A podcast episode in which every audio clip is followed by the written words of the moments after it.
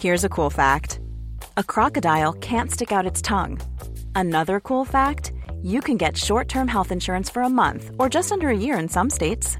United Healthcare short term insurance plans are designed for people who are between jobs, coming off their parents' plan, or turning a side hustle into a full time gig. Underwritten by Golden Rule Insurance Company, they offer flexible, budget friendly coverage with access to a nationwide network of doctors and hospitals. Get more cool facts about United Healthcare short term plans at uh1.com. Ever catch yourself eating the same flavorless dinner three days in a row? Dreaming of something better? Well, HelloFresh is your guilt free dream come true, baby. It's me, Kiki Palmer. Let's wake up those taste buds with hot, juicy pecan crusted chicken or garlic butter shrimp scampi. Mm. Hello Fresh. Stop dreaming of all the delicious possibilities and dig in at HelloFresh.com. Let's get this dinner party started.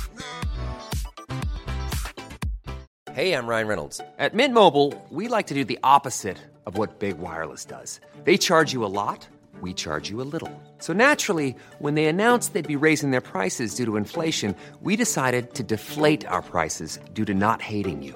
That's right. We're cutting the price of Mint Unlimited from $30 a month to just $15 a month. Give it a try at mintmobile.com slash switch. $45 upfront for three months plus taxes and fees. Promo rate for new customers for limited time. Unlimited more than 40 gigabytes per month. Slows. Full terms at mintmobile.com.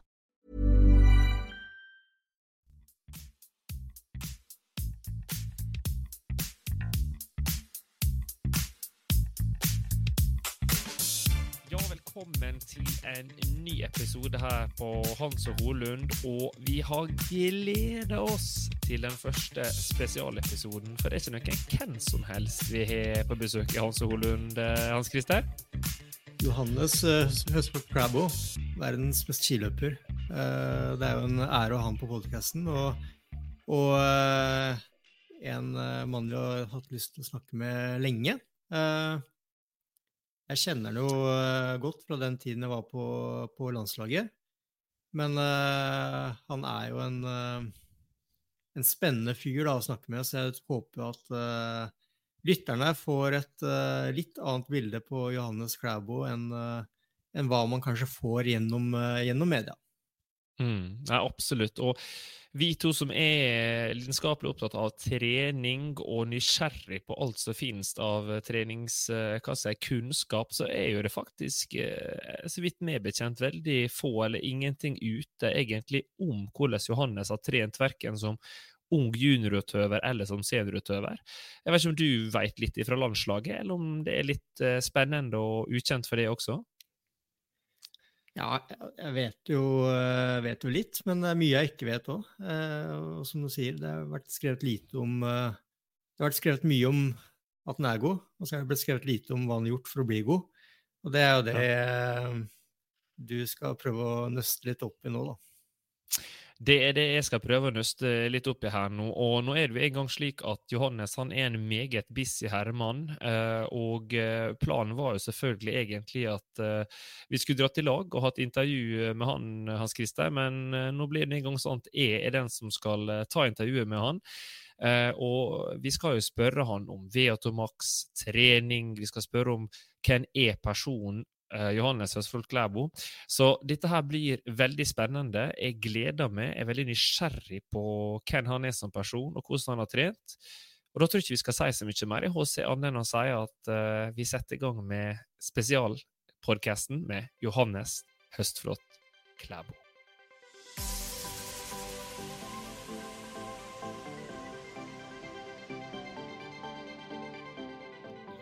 Velkommen til en ny podkast her i Hans og Holund. Og i dag har vi ikke med oss hvem som helst. Vi har med oss verdens desidert beste skiløper.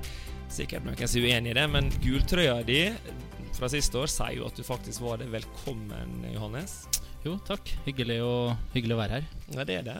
Jeg har til og med vært så heldig at jeg har vært invitert på hytta her på Skeikampen. Og det er muligheter for å trent bra her oppe.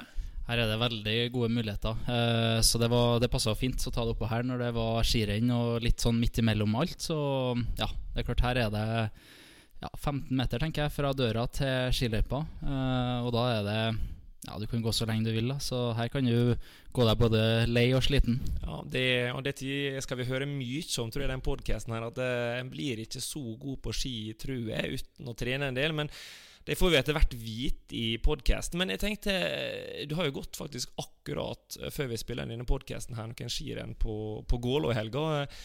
Dominerende på sprinten. Knusende seier, om jeg skal være helt ærlig.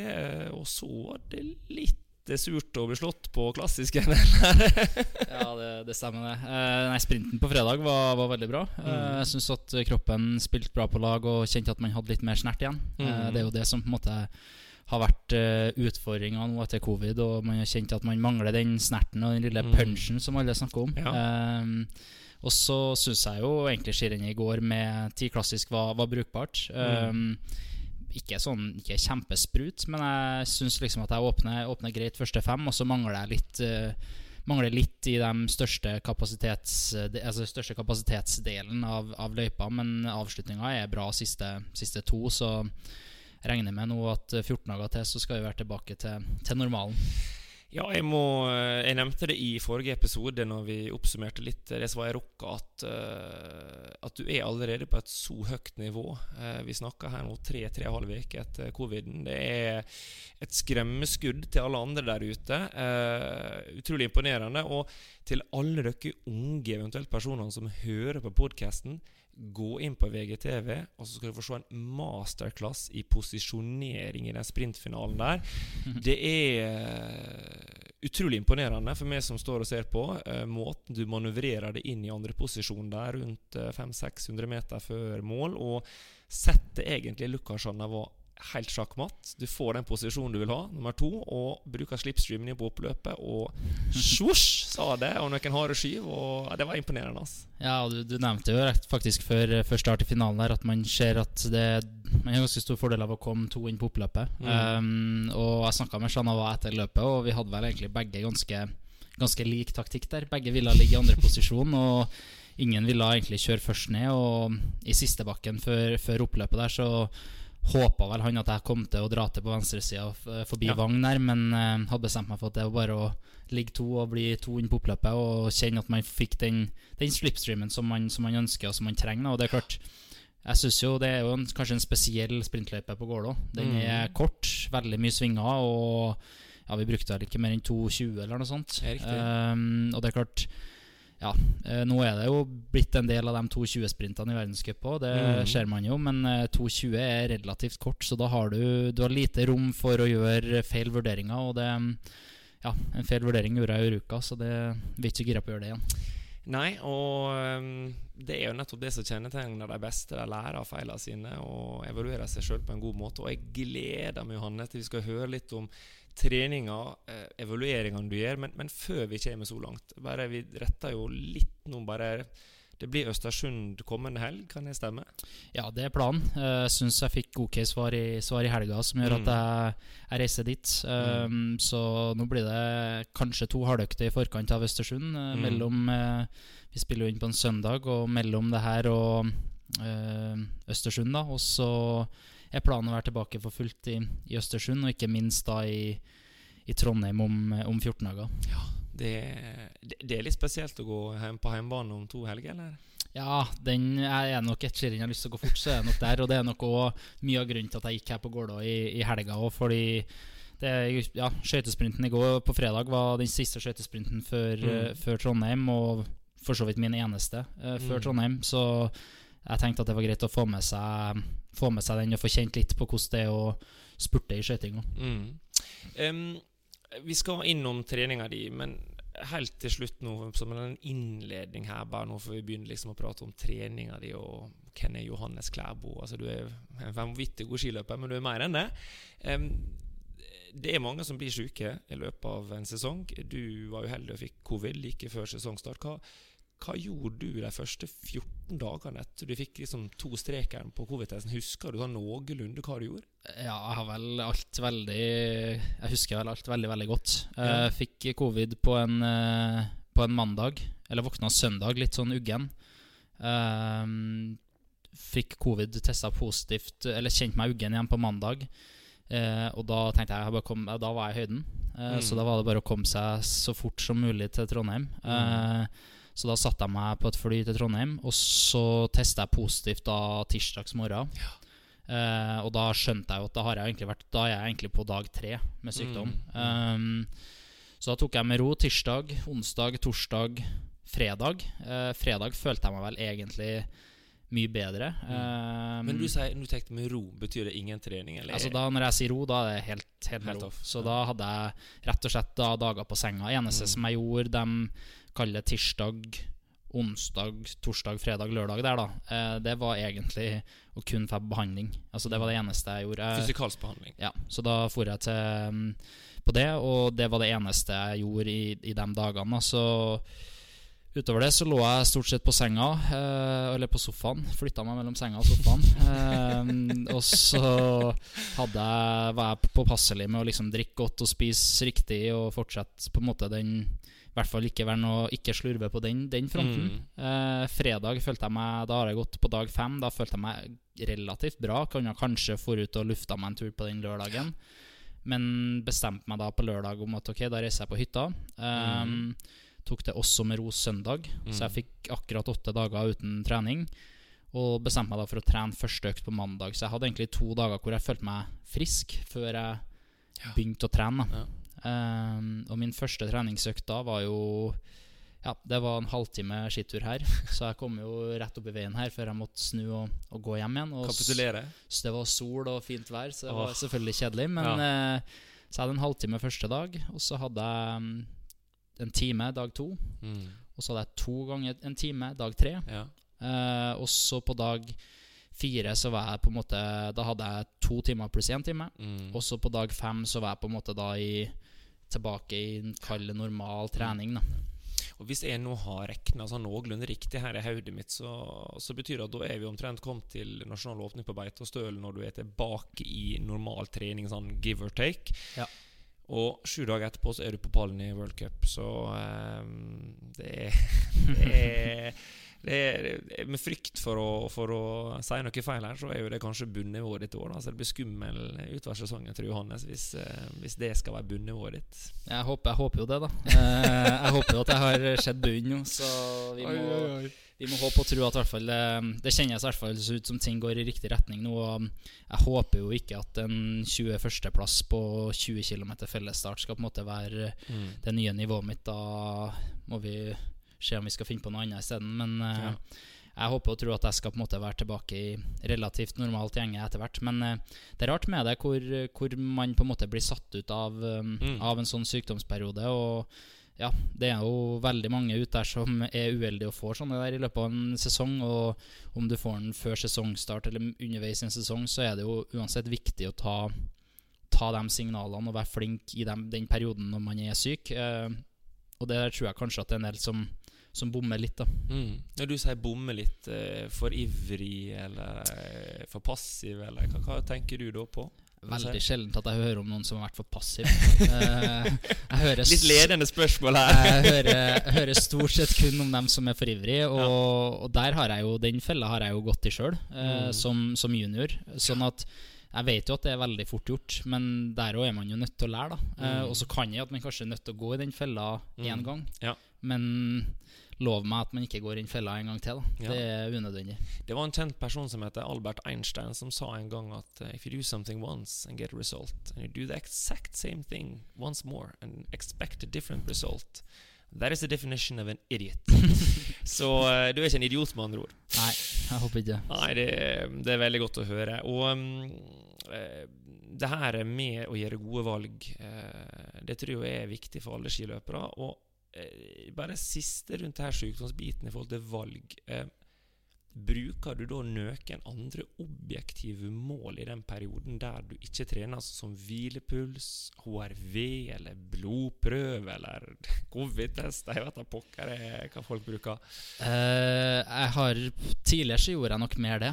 Mm. Um, og så har jeg vel eh, Altså, jeg testa Skulle til å si Har jo testa alt mulig av søvnmålere og Mm. diverse. Uh, Utfordringa for meg at jeg har så konkurranseinstinkt at med å ha en søvnmåler, så blir det, det blir en konkurranse for meg sjøl om at jeg Mm. skulle ha 100 i score. Liksom, jeg skal sove best mulig. Mm. Um, og det ble nesten mer en forstyrrelse enn jeg følte at det ga meg noe svar. da um, Sånn at jeg har, har vel gjennom årene jeg har holdt på lært meg å kjenne kroppen min at liksom Du må, du må kjenne når du Mm. kan trene, og når du Mm. ikke kan trene. Eh, og det beste målet på det er jo Hvis du er usikker, så er du ikke usikker. Du Nei. trenger ikke å ringe Du trenger ikke å ringe treneren din eh, på morgenen hvis du våkner og er usikker på om du skal trene. Nei. Da er det bare å ta på seg dyna igjen og legge seg. Ja, ja. Eh, og det er liksom Det er vel mitt beste, Ja. mitt beste mål på hvert fall hvordan min kropp fungerer. Jeg må jo si, som trener, å sitte her og høre på en som er så reflektert rundt det her, er veldig eh, inspirerende. Og så er det jo i tillegg Jeg tror det som kanskje er, er unikt da med sånne typer som det, er jo nettopp det her, den her tryggheten i valget. Altså, du, du virker utrolig sånn Dette er, det, dette er This is the way, som de sier på The Mandalorian. Men altså, du virker veldig trygg i valgene dine. Er, er du så selvsikker på alt du gjør, eller er det bare møkka av som kommer som en konsekvens av erfaring og at du har lykkes flere ganger med f.eks. å ta nok fri etter sykdom?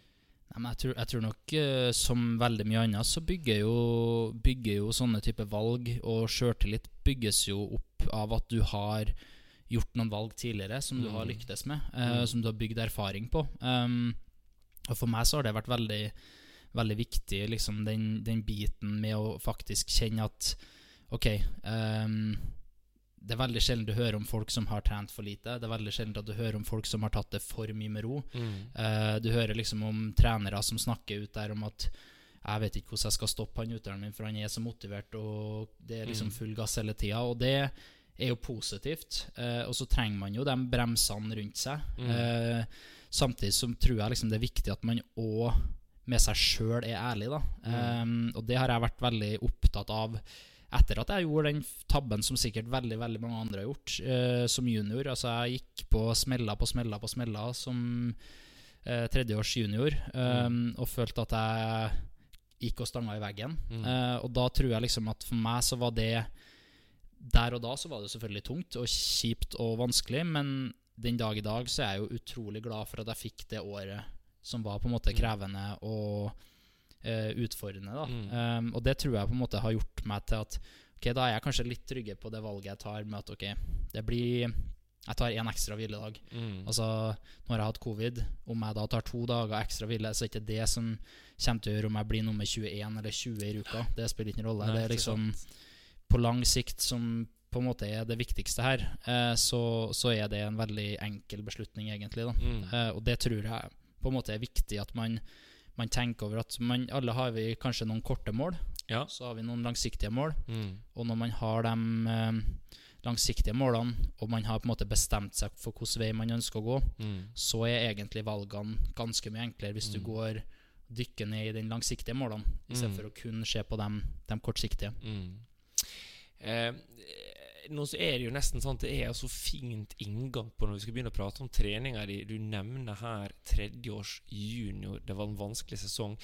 Jeg tror ikke de fleste veit hva du snakker om da. Jeg, jeg merker bare på det, det skinner i øynene dine. Dette her er noe som har brent seg fast. Jeg merker at dette er noe som har satt eh, Om ikke arr, så iallfall en, en tydelig eh, Det er en tydelig minne som har definert det som utøver, som person, og, og valgene dine videre i, som sisteårseldre junior, når du ble ju- juniorverdensmester, og, og sikkert som ty, ung seniorutøver. Hva, hva, hva er det du refererer til da, som var så vanskelig det året der?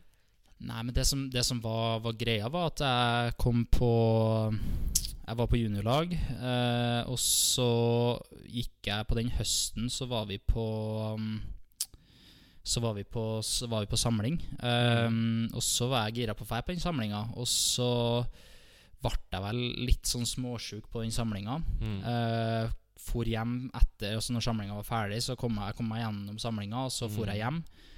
Og så, Det her var på høsten, og så husker jeg bare at fra da så gikk, kunne jeg, jeg kunne trene ti dager, og så ble jeg syk. Og så var jeg syk ei uke, og så trente jeg ti dager igjen, og så var jeg syk. Og sånn gikk det gjennom hele vinteren, hele sommeren, eh, og ut på den høsten før Altså før siste års, siste års junior, da. Um, Og da det sånn, det var jo Det var jo en rotete sesong på mange måter. Altså, det var Jeg husker um, vi skulle gå altså, kvalik til junior-VM. Ja. Um, det var jo egentlig sprinten jeg var mest gira på. Og så var det stakeløype på Lygna. Altså, Og jeg var jo fortsatt på den tida relativt liten og dårlig til å stake, så Ja. da røyk jeg jo rett ut i kvarten. Eh, dagen etterpå så var det en T-skate.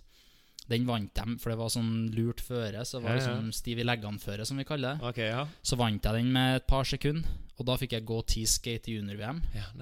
Um, men mellom da det mønstringsrennet og junior-VM, så var jeg jo syk, selvfølgelig. ja. Uh, sånn at det ble jo dårlig. Uh, sprinten ble jo ok. Jeg ble nummer tre på den sprinten fordi Mm. Stenshagen ble syk. ja. Så jeg fikk gå sprinten. Jeg ble langt bak på tieren. Uh, kom hjem fra junior-VM, syk igjen. ja. Så skulle vi gå NM. Uh, der var jeg dårlig. Syk mellom NM og Harstad, som var siste norgescuprenn. Altså, det var liksom Ja, det er jo en sånn typisk Du gjør en sånn feil som jeg tror den største feilen jeg gjorde, var at jeg begynte etter eh, Jeg begynte altfor tidlig på den høsten. Ja. Eh, skulle aldri den samlinga i utgangspunktet. Nei. Eh, jeg var sikkert usikker før jeg for, men tenkte at åh, vi skal til Tyskland, gå i skitunnel. Mm. Første gang, det her er stas og ja, ja, artig. ja, ja, ja. Eh, så der er nok den, det er jo nok der på en måte feilen kom, og så på en måte balla det der på seg. Og jeg brukte lang tid på å finne ut av hva jeg skulle gjøre for å komme tilbake til, til normalen. Mm. Så vil du ha I dag når du sitter her litt visere, litt eldre Det du ville sagt til unge Johannes på da, det tidspunktet der 18 år em, Ta deg ei uke fri nå. Mm. Ikke tren. Er det det liksom kort oppsummert det, gode rådet, eller er jeg ute og sykler når jeg sier det? Nei, det, det er riktig. Jeg til, hvis jeg skulle sagt det til meg sjøl på nytt, så hadde jeg sagt at uh, ikke reis til Tyskland. Ja. Eh, bli hjem. ehm, og ta, ta det med ro. Ja. Og så får du Ja, de seks-sju dagene du tar det med ro her, kommer ikke noen gang til å tenke på igjen. Uh, men igjen, eh, når jeg sitter her nå, så er jeg jo egentlig glad jeg fikk det, det året der. Ja, ikke sant? Uh, fordi jeg tror jo det er lettere å ha fått det året der i, en, i den alderen enn hva man kanskje Mm. Hvis jeg hadde fått det nå, så hadde det kanskje vært tyngre. Mm. Uh, har kanskje vært litt mer i villrede på hva, hva skal man gjøre. Uh, mens da så er man såpass ung, og man føler at man har hele framtida foran seg. Sånn at man tenker at ok, så har det gått et år. Men på det tidspunktet så tenkte jeg jo aldri at det kommer til å ta et år. Nei. Ikke sant? Jeg tenkte at ah, ja, men det her er siste runden. Ja. Altså, her er siste runden. Og så, så gikk man jo på, men, på nytt med nytt mot og var ja. supermotivert. Og det tror jeg jo på en måte er Ja, det tror jeg er en sånn viktig Viktig lærdom å ta med seg. da Det tror jeg for alle de som eventuelt hører på som er litt yngre, så kan dette her være veldig viktig å ta med seg. Og jeg tror, skal være helt ærlig, Noen som er yngre, det var egentlig dumt av meg. For jeg tror dette her er noe som jeg tror mange eldre seniorutøvere også faktisk synder veldig med. Eh, for dere er jo Fordi dere er dere er vinnertyper, dere er dårlige tapere, stort sett hele gjengen. Og dere, dere, dere konkurrerer jo på en måte litt med dere sjøl også, om hvor mye kan jeg trene osv. Jeg tror jo ofte at en sånn sykdomsperiode det, det tøffeste det er faktisk det å ikke trene. Det er ikke det å komme seg ut og gjennomføre den treninga, men det er det å droppe den økta. da.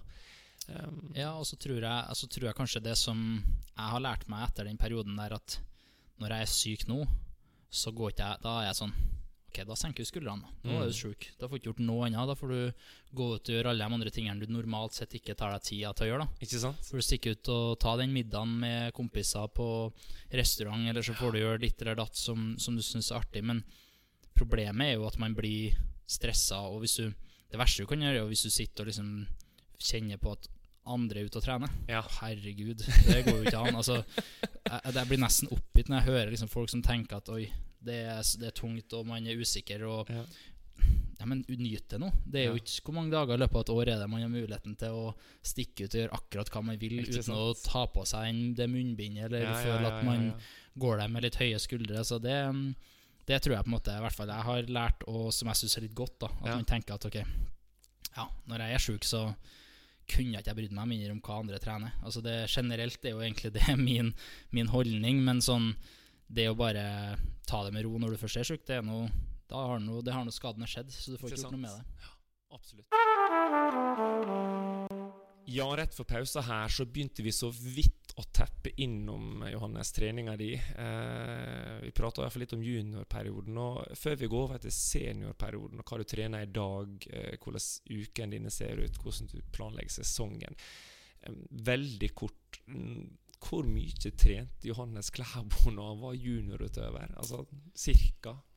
Oh, um, jeg hadde vel en ganske sånn fin progresjon, tror jeg. Um, det året jeg trente minst, det er jo sikkert det tredje året det med de flest sykdomsdagene. Og på det tidspunktet så hadde ikke jeg lært meg å skrive sykdomsdager inn i, i dagboka, så det har ikke jeg Der må jeg sikkert da manuelt gå inn og liksom ja, ja. ha skjedd, men uh, uh, jeg tror jo sånn Ja, jeg tipper jo at jeg på, på mitt meste og siste år som junior så var jeg sikkert opp på en tett mot 900 timer, tenker jeg. Uh, jeg, jeg, har nok alltid vært glad Jeg har alltid vært glad i å trene. Så tror jeg på en måte at jeg har fått en sånn Jeg tror jeg har fått mye gratis trening ved at vi Jeg husker jo på videregående sjøl. Altså, vi skrev jo treningsdagbok, mm. uh, men det eneste vi gjorde i pausene på videregående også, var jo å spille fotball i gymsalen, som vi ikke hadde lov til hver eneste dag. Uh, det var jo styrte i seg maten, og så hoppe rett i gymsalen og spille uh, ja, om det var hjørnefotball eller hva, alt vi, alt vi holdt på med. Og det er klart sånn, Sånne ting det skrev jo vi selvfølgelig ikke som trening. Um, og, og, sånn var jo egentlig Sånn har egentlig oppveksten min før junioralderen òg vært. Mm. Med at jeg, jeg, skrev jo den treninga som på en måte det du føler er trening. Mm. Men det som du går ut og bare har det, har det artig, det, det mm. regnes ikke som, som, trening på samme måte. Men jeg tror nok uh, alt fra 700 kanskje som førsteårs junior. Uh, og så økte jeg vel Jeg mener husk at jeg liksom økte ganske mye fra førsteårs til andreårs. Mm. Um, Handla litt om totalbelastninga på skolen, at den var litt mindre. Jeg syns ja. førsteårs var, var, krevende. Da var mye skole. Og så andreårs så ble det litt mindre, og da tror jeg vi økte kanskje med en ja, Si at det var en 10-15 kanskje. Mm. Eh, og så gikk det jo litt ned. Eh, og så ble det ganske mye igjen som sisteårs ja. sisteårs junior. Men vi har jo hele tida prøvd å tatt gradene og vært, for, vært, litt sånn Vært litt forsiktig, samtidig som vi har måttet tørre å utfordre litt. Og der òg har man jo hatt perioder hvor man liksom har gått på noen blemmer og kjenner at ok, kroppen, kroppen spiller ikke helt på lag, Nei. og du må kanskje ta en tre-fire-fem dager av, eller om det blir ei uke eller to. Men det er jo på en måte en del av læringa som, som, vi holder på med. Altså, mm. Idretten er jo basert på å prøve å optimalisere så mye man kan. Og så mm. Enkelte ganger så går det, og mm. andre ganger så bommer man kanskje litt mer. Mm. På et generelt grunnlag, har du, har du trent fra du var førsteårsjunior og til du var eldre junior, vil du si veldig klassisk, og med det som mener jeg stort sett to intervaller i veka, og eventuelt hvis det var intervaller, hva type intervaller? Forandrer det seg fra førsteårsjunior til eldre junior, eller var det omtrent det samme fra du begynte til du slutta i juniorklassene? Det var nok kanskje mye av det samme. I hvert fall var økten relativt lik. Eh, men så er det jo interessant, da, fordi som førsteårs junior så på videregående så gikk jeg på idrettslinja på, på Heimdal. Mm. Um, og det som jeg mener er en styrke i dag, var jo at vi var så heldige å få lov til å være med og trene med dem som var tredje, altså andre, tredje og fjerde års junior. Ja, um, ja. Så jeg husker jo når vi skulle springe Kanskje vi sprang ett drag kortere. Ja. Men vi fikk jo være med på helgufs. ikke sant? Mm. Og mm. det er klart at når de springer seks ganger seks, og vi kanskje springer fem ganger seks, um, så er fem ganger seks hardere for oss det ja. enn, en det var for dem. Så jeg, jeg, tror jo nesten at man kanskje på, på et tidspunkt så var det vel en del hardt. Eh, førsteårs, eh, førsteårs junior og kanskje andreårs. Mm. Og så tror jeg tredje og fjerde års så ble det kanskje mer Altså, det var jo fortsatt mye Jeg føler jo at liksom en sånn seks ganger seks-ish uh, Eller fem ganger fem, kanskje det var på den, det tidspunktet. Men det var i ja. hvert fall en sånn Føler jo at en elghufs var veldig sånn standard, da. Mm. Um, og jeg husker vi hadde liksom alltid intervall på tirsdager på skolen, og så ja. var det lørdager, og da var det med klubben. da ja, eh, Så det var, stor, det var, stort sett sånn ukene gikk, i hvert fall gjennom sommeren og høsten. Og så på vinteren så var det litt sånn avhengig av skirenn, og mm. man prøvde å gå mye Unnskyld. Man prøvde å gå prøvde å gå mye skirenn. Mm. eh, og jeg føler jo at vi ja, gjennom, uh, gjennom vinteren òg, så var det jo Når det ikke var Norgescup, så var det jo alltid et eller annet lokalrenn. Ikke sant? Ja, ja. Det var Rindalsrenn i jula, og så var nyttårsstafett. Og så det var liksom alltid, alltid skirenn å gå. Og der var vi der var vi ganske glad i å gå skirenn. Og det tror jeg jo på en måte gjør at du får jo i hvert fall mye konkurransetrening, og at du får òg ganske mye relativt mye hardt da Mm. på, på det tidspunktet, i hvert fall. Og så kom han jo på, på juniorlag etter hvert, og da ble det kanskje litt mer sånn struktur på ting. Og jeg føler, Men jeg føler jo der igjen nå, ikke sant, der var det sprintøkter på fellessamling, Mm. og det var seks, uh, seks minutter, og det var, Ja, ja. Jo, det var jo stort sett det jeg husker mye, mye hardt, da. Ja. Men eh, vil du si at den eh, biten så du, Det høres ut som når du sier hardt, at det er Vi prater kanskje hvis det brukes i I-sonen og sånn I4-5, da, Ja. typ. Eh, men når du da gikk over i seniorkarrieren din eh, Du slo gjennom jeg vil si, Du kom jo som en rakett. Det var jo eh, rett opp eh, i seniorklassen, spesielt i sprint. Eh, for du var vel senior i 2017-18-sesongen. Er det første års, Var det første året som senior, eller er det andre Nei, års? det er andre år. Det er andre år, det er helt Ja. riktig. Så første året var 2016-2017, ja. Det riktig, det stemmer. Og da hadde jeg vært ett år på rekruttlag. Mm.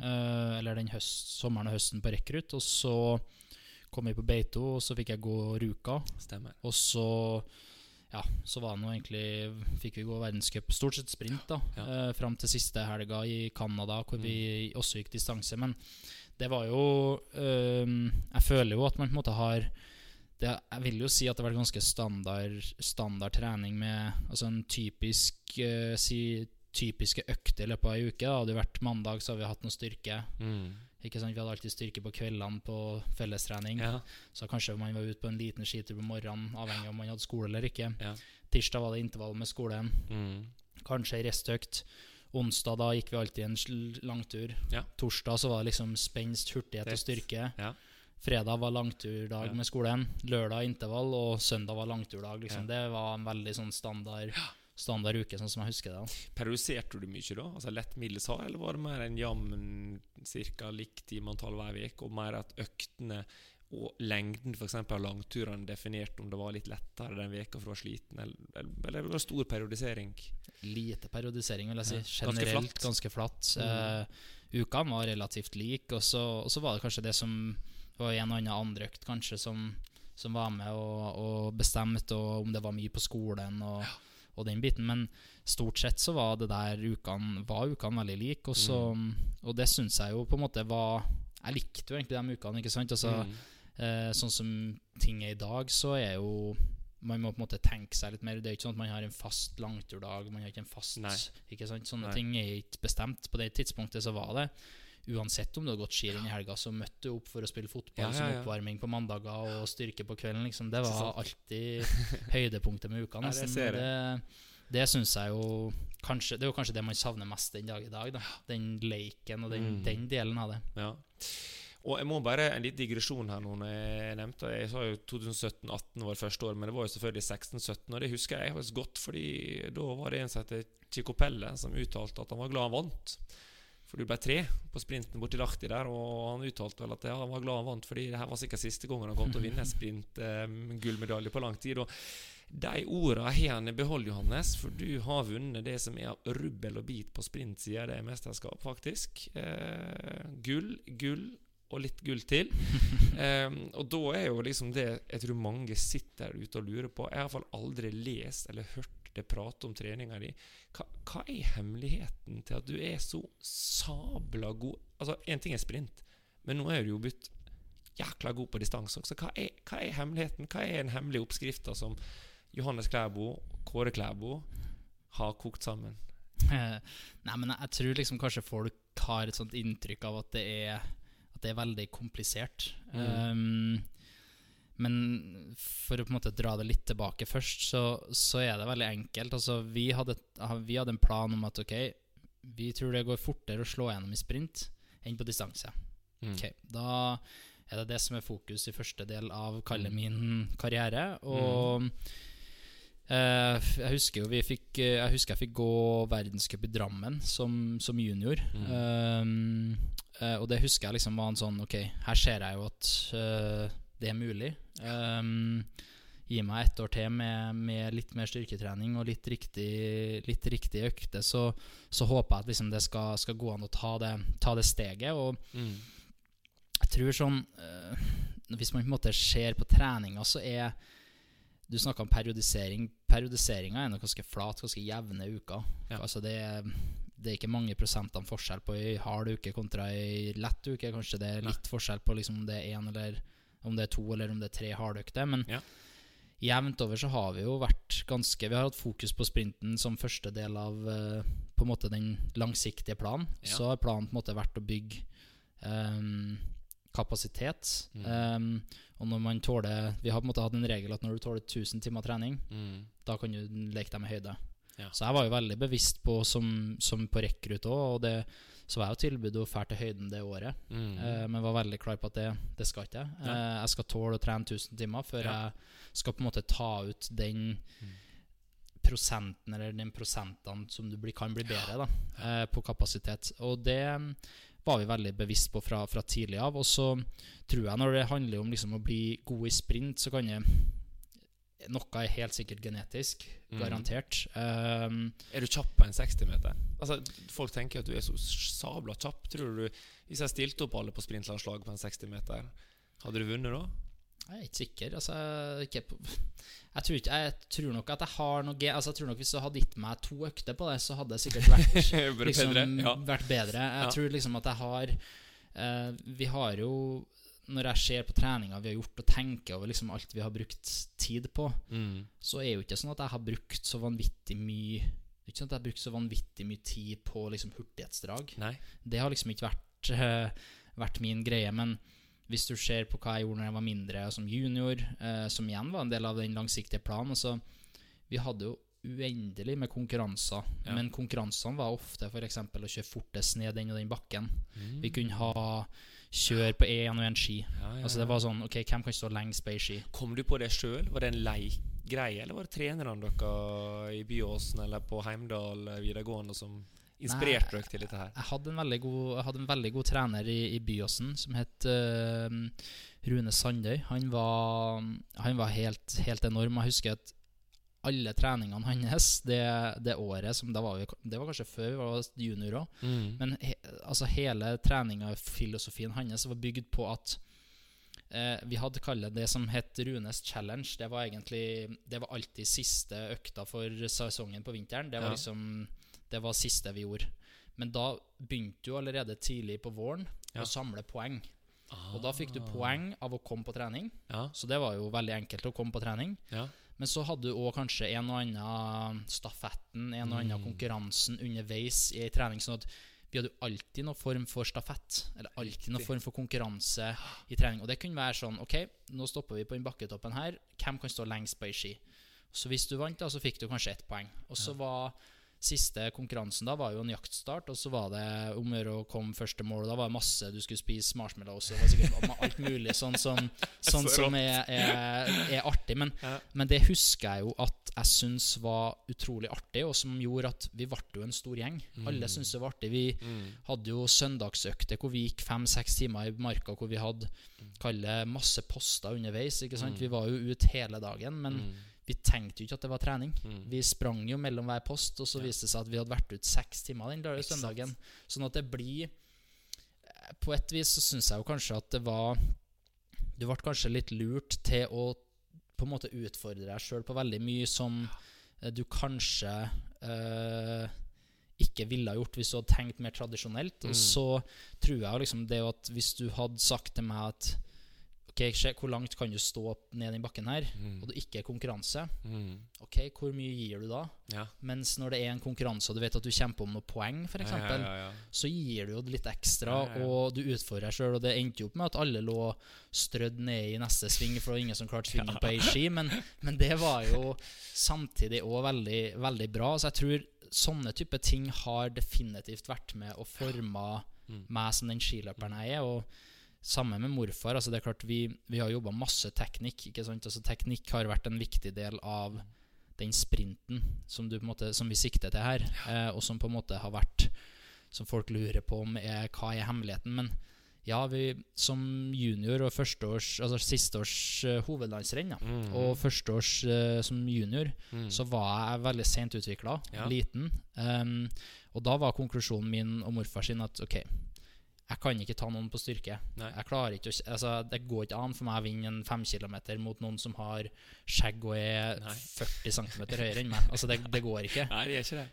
Um, men da skal jeg i hvert fall være den som går best teknisk på ski. Mm. Det er der vi skal ha fokuset, fordi Mm. størrelsen kommer til å komme Ja, på et eller annet tidspunkt. Um, og selvfølgelig var det oppturer og nedturer, og mamma trua med å slutte på ski annenhver helg, og jeg var Ja, sur ja. for at jeg hadde tapt skirenn, selvfølgelig, som, som alle unger er. Men, Ja. Men jeg tror på en måte det er en sånn Det gjorde jo at jeg putta kanskje fokus på et riktig tidspunkt. da Altså Du putta fokus Mm. på teknikk på riktig tidspunkt, og du lærer jo så mye i den alderen fra du er 14 til du er 20. Altså, Mm. altså Det er jo da du lærer mest, føler jeg. Ja, ja. Altså, du er jo så mottakelig for, for læring av teknikk Mm. at morfar kunne jo si bare én ting, og så gikk det en halvtime, og så var det implementert. Altså Det satt jo. Men det er jo en grunn tror jeg, til at det kalles den koordinative gullalderen, det du beskriver her nå. Det er jo liksom og Det kan jo være viktig liksom, til flere skitrenere ute som er trenere i en klubb, eller hva det måtte være. Eh, å være litt sånn som Rune, da. Eh, lage Runes challenge. Eh, som, og det kan skape en ekstremt stor indre grad av motivasjon bare for å komme på trening. og Da får du det poenget i Runes challenge. da Så det er jo musikk i mine ører. Jeg bare spoler litt tilbake til en ting, for du sa 1000 timer kvalitet. Men hva er kvalitet? Altså Kvalitet er jo eh, Altså Det er jo veldig mangt, egentlig. Altså Jeg føler jo kvalitet For meg kan det være noe annet enn kvalitet for um, Hans Christer, eller kvalitet for Valnes, eller Ja. for hvem andre det skal være. Men, men for meg så er det veldig sånn at ok, hvis, sånn som nå, da når jeg skal trene mine 1000 timer nå, Mhm. så er det relativt enkelt. Altså, når jeg starter økta, så trykker jeg på klokka. Da går jeg ut. Eh, og så mm, stikker jeg ut og gjør den jobben jeg skal gjøre. Og så er det klart, enkelte ganger så er det jo ja, sånn som her om dagen, når du treffer på Mattis underveis i økta, plutselig, og så blir du stående to, tre, fire, fem minutter og prate. Ja. Ok, trekk noe fra det, da. Ikke Ja. sant? Men jeg er, jo, jeg er jo kanskje motsatt av veldig mange som jeg har jo alltid syntes at det er så litt spesielt, alle som skal stoppe klokka i pausene, og det skal liksom være sånn Det skal være så veldig nøyaktig på absolutt alt. da Jeg er veldig der at Ok, jeg starter klokka når jeg går hjemmefra, Mm. så går jeg nå to timer. Og om det da står 2.05 på klokka, Mm. så ble det to timer. Ja. Eh, men er det 1.55, så kanskje det blir 1.50, da. Fordi Mm. trekk noe fra, du har drukket. Men for meg så er jo sånn som det å ha en drikkepause underveis i økt, det er noen del av treninga. ja, ja, ja. da.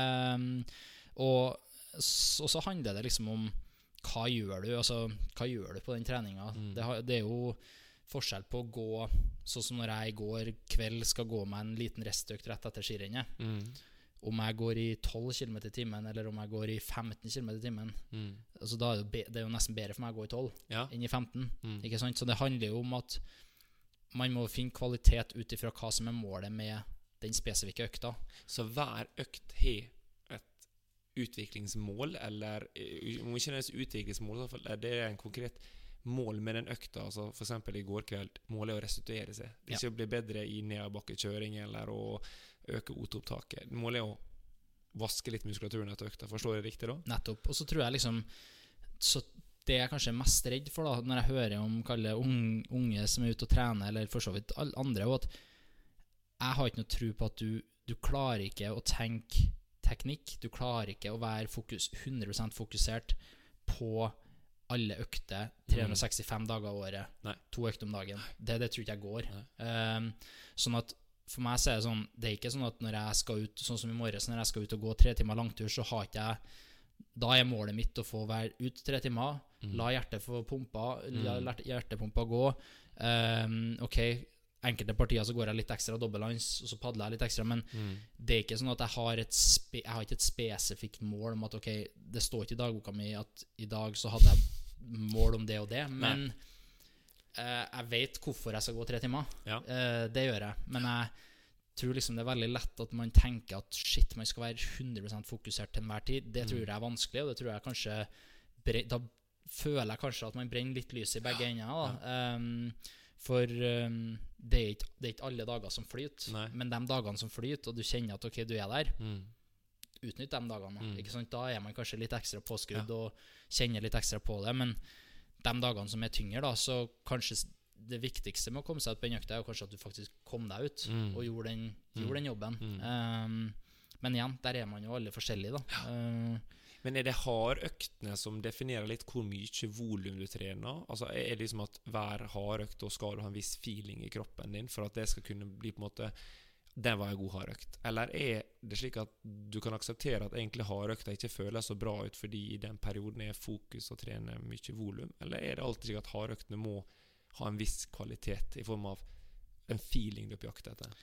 Men jeg prøver, jeg prøver alltid å ha eh, Altså Alle hardøkter har man jo der, har, der, er jeg veldig sånn strikt. Altså Der vil man jo ha et klart mål. Um, Gjør du tiltak i forkant òg? Hvis la oss si to dager før du skal ha en terskelintervall, eller whatever, Gir du tiltak da hvis du kjenner på første økt og to dager før at oi Nei, ikke, ikke, hvis jeg, ikke, hvis jeg, skal ha en terskeløkt. Men hvis jeg skulle ha hatt Si at jeg skulle hatt ei sprintøkt, eller hvis jeg skal ha ei økt som jeg føler at ok, her trenger jeg litt ekstra muskulært overskudd, eller ja. sånne ting, da, da, kan man ta den mm. type mm. grep. Men på ei vanlig terskeløkt som, som, man kjører veldig, veldig ofte, så så kan jeg godt kjøre tre timer dagen før og to timer på andre økt og kjenne ja. at ok, jeg bruker første 20 minuttene på den terskeløkta på å komme i gang, men, men, eller kjøre litt lengre oppvarming. Men jeg tror sånn jevnt over så, så er på en måte fokuset på hardøktene og få dem med høyest mulig kvalitet, og der, mm. vel, der føler jeg at jeg er veldig, veldig nøye. Altså, mm.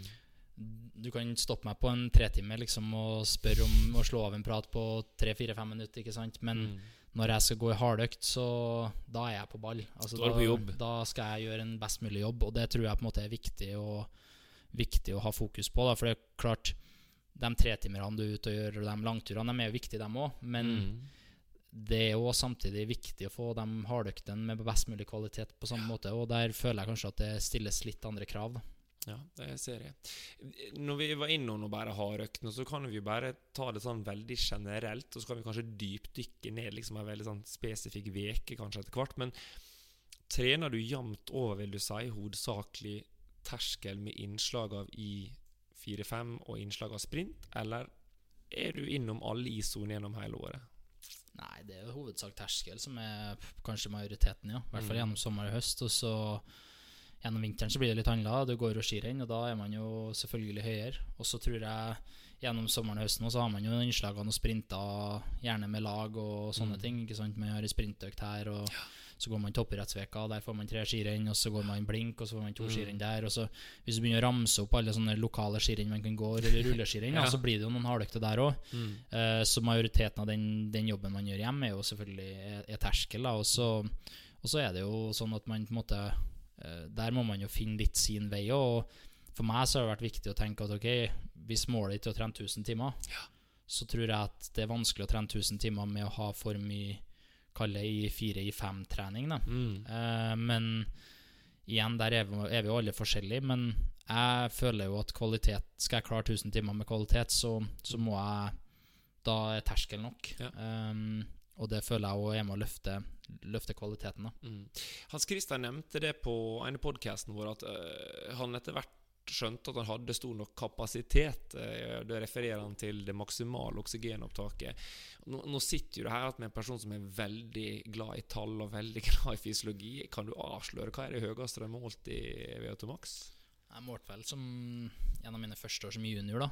Um, eller kanskje det var siste år som junior. Jeg hadde vel jeg mener kanskje høyeste jeg målte sånn 83-84 eller noe sånt. Ja, ja, Det er ganske høyt, da. Nå i den duren. Uh, men jeg har jo aldri på en måte det, altså Der er jo kanskje der jeg har testa. Det er kanskje der jeg har dårligst testprosedyre uh, på mm. akkurat den biten. Jeg har vel uh, aldri hatt fokus på VO2 Max. Um, jeg har jo testet Jeg husker på videregående sånn, testa vi mye makspuls. Liksom. Det ja. jo, men det, igjen, det er jo en steinhard intervall. Ja, det er eh, så, så du, har jo, måte, du har jo fått økten som, som på en måte gjør at du trener VO2 max. Eh, og så tror jeg jo at det der er, det der er jo trenbart. Og så mm. tror jeg mhm. kanskje at, uh, som, som, jeg var litt innpå, at i den første års junior, da, ja. så var intervallene kanskje litt hardere. Ja. Um, og kanskje gjør det at man trener mm. litt mer VO2 Max-trening enn kanskje en vanlig terskeløkt vil, vil, gjøre. Så. Men jeg er ikke noe sånn Jeg er ikke noe 90-blåser, nei. Jeg har ikke, uh, men som sagt, jeg har, aldri, har testa det et par ganger på juniorlag når vi var der. Og det, jeg mener det var ja, Jeg husker ikke om det var 83 eller hva, nei, nei, 84, men i området der, da. Ja. Um, og det er jo det er noe høvelig. Og så er det jo et stykke opp til dem som du vet har størst kapasitet, men da må man jo være flink til å prøve å utnytte Da er det jo andre parametere kanskje som er viktig å dra Mm. inn, og som man er nødt til å bruke, bruke tid på. da, og Sånn som man ser dagens langrenn er, så er det klart eh, de lengste bakkene er kanskje tre minutter. Så da må man jo man må ha kapasitet nok til å være med, være med i tre minutter. Og, det, Mm. og så hjelper det ikke å være med én gang tre minutter, det er jo ofte flere runder òg. Uten tvil, og, og en ser jo der uh, ulike utøvere spiller på sine styrker i Planica, som var i eh, 2021. Eh, jeg ser en skiatlon uh, der eh, Jeg skal ikke snakke om taktikken med skibytte, men vi kan jo prate om i hvert fall at du ser bevisst ut som du holder litt igjen på vei opp mot toppen av høyeste bakken. Der forstå å benytte kanskje dine styrker, som er eh, kjapt, du er god på å akselerere, du er god å kjøre nedover, og kommer opp igjen til sju røter eh, flere ganger der. Um, og Det er jo kanskje et godt bilde på at en må bruke også styrkene sine. At VO2 Max er jo ikke alt.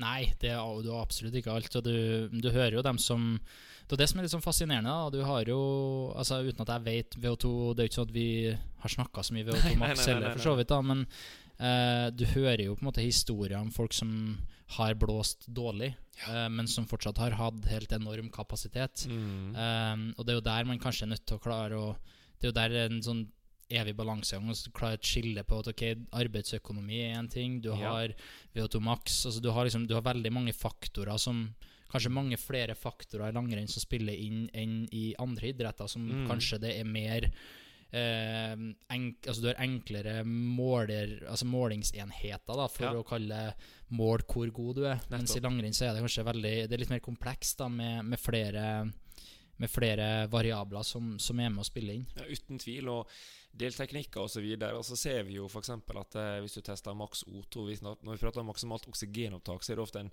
en løpetest. Men så er det Mm. plutselig Har du rulleski klassisk eh, diagonal, så er det plutselig skøyting, dobbeldans versus padling. Og så er du staking. Og eh, folk kan jo ha La oss si 90 i oksygenopptak i løping, men de kan jo måle 75 i staking. Eh, og det er klart at det, Hvis da en annen person har 78 i staking, så er det ganske tøft å henge på han eller hun med 78 i staking på flata. Nettopp. Eh, det, det, er det, er jo det som på en måte er med å spille inn. Altså, hadde det jo vært løping vi skulle holdt med, så hadde det jo definitivt vært en fordel å blåse høyt, samtidig som du måtte ha hatt et høyt, eh, et høy, høyt terskelnivå, selvfølgelig. Fordi altså, i løping er det ikke noen pauser, mens i, i langrenn så er det jo er det noen pauser. Men det er klart, det å kunne blåse høyt på rulleski, Mm. eller på ski, da, altså Mm. si rulleskimeldet hvor du får testa det der, da, Ja. så er det klart det er, det er jo alfa og mega for, for å gå fort. Um, og du hører jo om dem som som sagt blåser veldig høyt på løping, og som Ja. kanskje ikke er like høy på på, um, på rulleski, da, eller på ski. Og det, mm. da er det naturlig at det, det spiller inn, og arbeidsøkonomien her er en viktig, viktig faktor. da like før vi tok en liten pause her i podkasten, Johannes, så snakker vi om at uh, VO2 Max er en ting du ikke har testa så veldig mye. Men en ting jeg tror du har testa en del, og nå veit jeg ikke, så nå tipper jeg her, det er at du har ei rulleskjemølle. Jeg tror du har ganske bra kontroll på hastighet og puls og på forskjellige helninger. Eller er jeg ute og sykler her nå? Er på tynn is? Nei, du har nok rett der. Eh, det er jo kanskje det som er største forskjellen i år. Um, Mm. Har jo brukt rullesmell en del tidligere og også hatt, uh, har hatt veldig mange standardtester på Olympiatoppen. Um, men ikke den standardtesten som jeg tror folk flest kjører som er på løping. Uh, den har jeg vel ikke kjørt de siste fem årene. Um, så der er jeg helt uh, Helt blank, skulle jeg til å si. Men jeg har en standardtest som jeg har kjørt, og som vi egentlig har laga sjøl. Um, jeg og morfar. Og den har jeg jo videreført nå inn mot ny rulleskimelle, så det er selvfølgelig Vi må, nok ha litt, flere data, litt mer data der, men eh, jeg føler at vi har Der har vi relativt god kontroll, og føler at vi har en sånn Jeg, jeg, jeg er jo veldig der at vi har Jeg skal konkurrere på ski, Ja. så da er det ski jeg trenger standardøkt på. Jeg, jeg kan springe opp Hafjell eller Skeikampen eller hva det nå skal være, så sakte som bare det. Ja, ja. Jeg skal vinne skirenn. Det er det, jeg skal, det jeg skal gjøre. Og, og det er på en måte mitt fokus òg. sånn at standardtest løping, kjempemessig hvis det, hvis det eneste du har, er løpemølle. Ja, ja. Da er det helt gull. Ja. Um, og det, det hadde jeg tidligere. Og så har jeg, vært, eh, har jeg brukt Olympiatoppen mye på den standardtesten jeg har brukt, altså brukt tidligere. Mm. Og nå når ting ble som det ble, så har jeg investert i en egen rulleskimølle, og den der gjør at jeg har, kan ha veldig veldig kontroll på på både laktat, uh, puls, helning, det som Mm. er. Nå, De som har vært her i rommet, har sett at pupillene til uh, unge lovende Stadheim her, de uh, trakk seg sammen med en gang det ble snakk om en standardtest her. Vitenskapsmannen bare uh, pirra her i fingeren. Jeg må jo få vite hva er denne standardøkta? Her, her, er, her er vi inne på snacks, Johannes. Hva er, hva er standardøkta? Det, nå må du avsløre det i podkasten her. Altså. Standardøkta er ti ganger seks minutter. Ti ganger seks minutter. Eh, men um, staking første tre minutter. Mm. Diagonal siste tre minutter. Ja. Og så drag to er det da motsatt. Da er det staking Eller da er diagonal først, Mm. og så staking. Så det har egentlig bytta på der, da. ikke sant? Du har seks minutts drag, eh, og så begynner du på en hastighet, og så har du liksom to første dragene er like, og så er de to neste dragene like, og så øker jeg helt opp til drag, drag 10, da. Um, Hvor hardt er vi på slutten nå? Er vi fortsatt på terskel, eller begynner vi å gå inn i et område som en kanskje definerer som høy terskel i fire? Altså, Ja, vi er nok inne på, altså på drag eh, Drag 8 Det er vel drag 7 eller 8, så jeg, må jeg stå på for å holde meg under fire, ja. mm. Og så har jeg de siste to, to dragene er på en måte med litt sånn lekedrag med, Ja. med Altså det Standardtesten går på en måte opp til drag 8, Mm. og så er det er lake de to siste, men vi har brukt og tatt dem med, for i stort sett så kjører vi dem og tar det med som en del av det. Men Mm. litt mer sånn farts... eh, Litt mer Fartsleik. fartsleik på mølla enn Ja. enn hva de første åtte er. da Uten å avsløre hastighetene, hva, hva helning går du på når du sier staking og diagonal? Husker du det, eller veit du det? Ja, jeg vet jo det. Uh, altså det, det varierer litt. da Det blir jo litt brattere og øker litt. Ja. Uh, men uh, det første, første altså diagonalen er vel på rundt Rundt 10,5-11 mener jeg. Mm. Um, og, så, og så er vi vel oppe på 12,5 mener jeg på det, på det bratteste. Ja. Um, og så stakinga, så drag 7 har vi Da har jeg et minutt der som er steinhardt. Uh, Ja. På det er vel 5% tror jeg. Jeg ser det, det, det Nå sitter jeg og ser på det her er fascinerende. For det, når han sier det, drag 7 er steinhardt, da kommer det et lite frekt smil her på venstresida. Og det, det, det, er en assosiasjon til det drag 7 som er elsk-hat, tror jeg. Ja, det er elsk-hat. Uh, når jeg er pigg, så er det det beste draget, for Ja. det er jo der det skiller mest. Ja. Uh, mens når jeg er upigg, så er det første minuttet der helt jævlig. Det er det, ja. Eh, Men du, du, du sa det, du en, du er en dårlig taper. Tror du det er en egenskap alle de beste har? At de er notorisk dårlige tapere? ja, det tror jeg, jeg tror det må være det. Ja. Jeg tror du, hvis, hvis du på en måte er eh, litt sånn likegyldig Ja. til om du blir to eller tre Ja. eller eh, Jeg sier én eller fire, da, for å sette det på spissen, da. Så mener jeg at da Nei, nei altså da Det går jo ikke. Ikke i min, I min, nei. min verden så er det helt eh, Helt eh, vilt å tenke på. Vi hylla jo Ivo Niskan i episode tre eh, for at han mokka disse stavene. Han ble slått med to sekunder. Jeg, jeg bare sier det igjen, det er kanskje dårlig sportmanship, men det er så deilig å se følelser i idrett. Det er Det, men det er jo det, det, det idrett handler om. Ja, det altså. Jeg er litt sånn når folk Jeg fikk akkurat samme spørsmål i Mixon når jeg kom gjennom der, om hva Ja. syns vi. Syns du det er dårlig? Nei, men herregud, vi kan jo ikke, vi kan ikke begynne å Skal vi bli sur for at folk blir irritert over at de taper? Da har vi jo bomma. Altså, Det er her er jo Det er jo det her er jo konkurranse, og det handler om å vinne. Eh, han gikk først bort og tok og gratulerte Yes. eh, Martin, og så kasta han stavene. Jeg Ja, mener ja. det er helt fair. Altså det, han er forbanna. Selvfølgelig, han hadde lyst til å vinne det skirennet. Uh, og mm, ja, så kan man heller Det at han blir sur og irritert, det mener jeg er liksom helt, helt fair. Det er en del av gamet. Og uten å rippe opp i et eh, dårlig minne, Johannes, så skal jeg bare ta en liten historie fra VM i Oberstdorf. Fordi det var slik at vi hadde ei smørebod, og den var rett ved siden av den norske utøverne sin omskiftingsrom.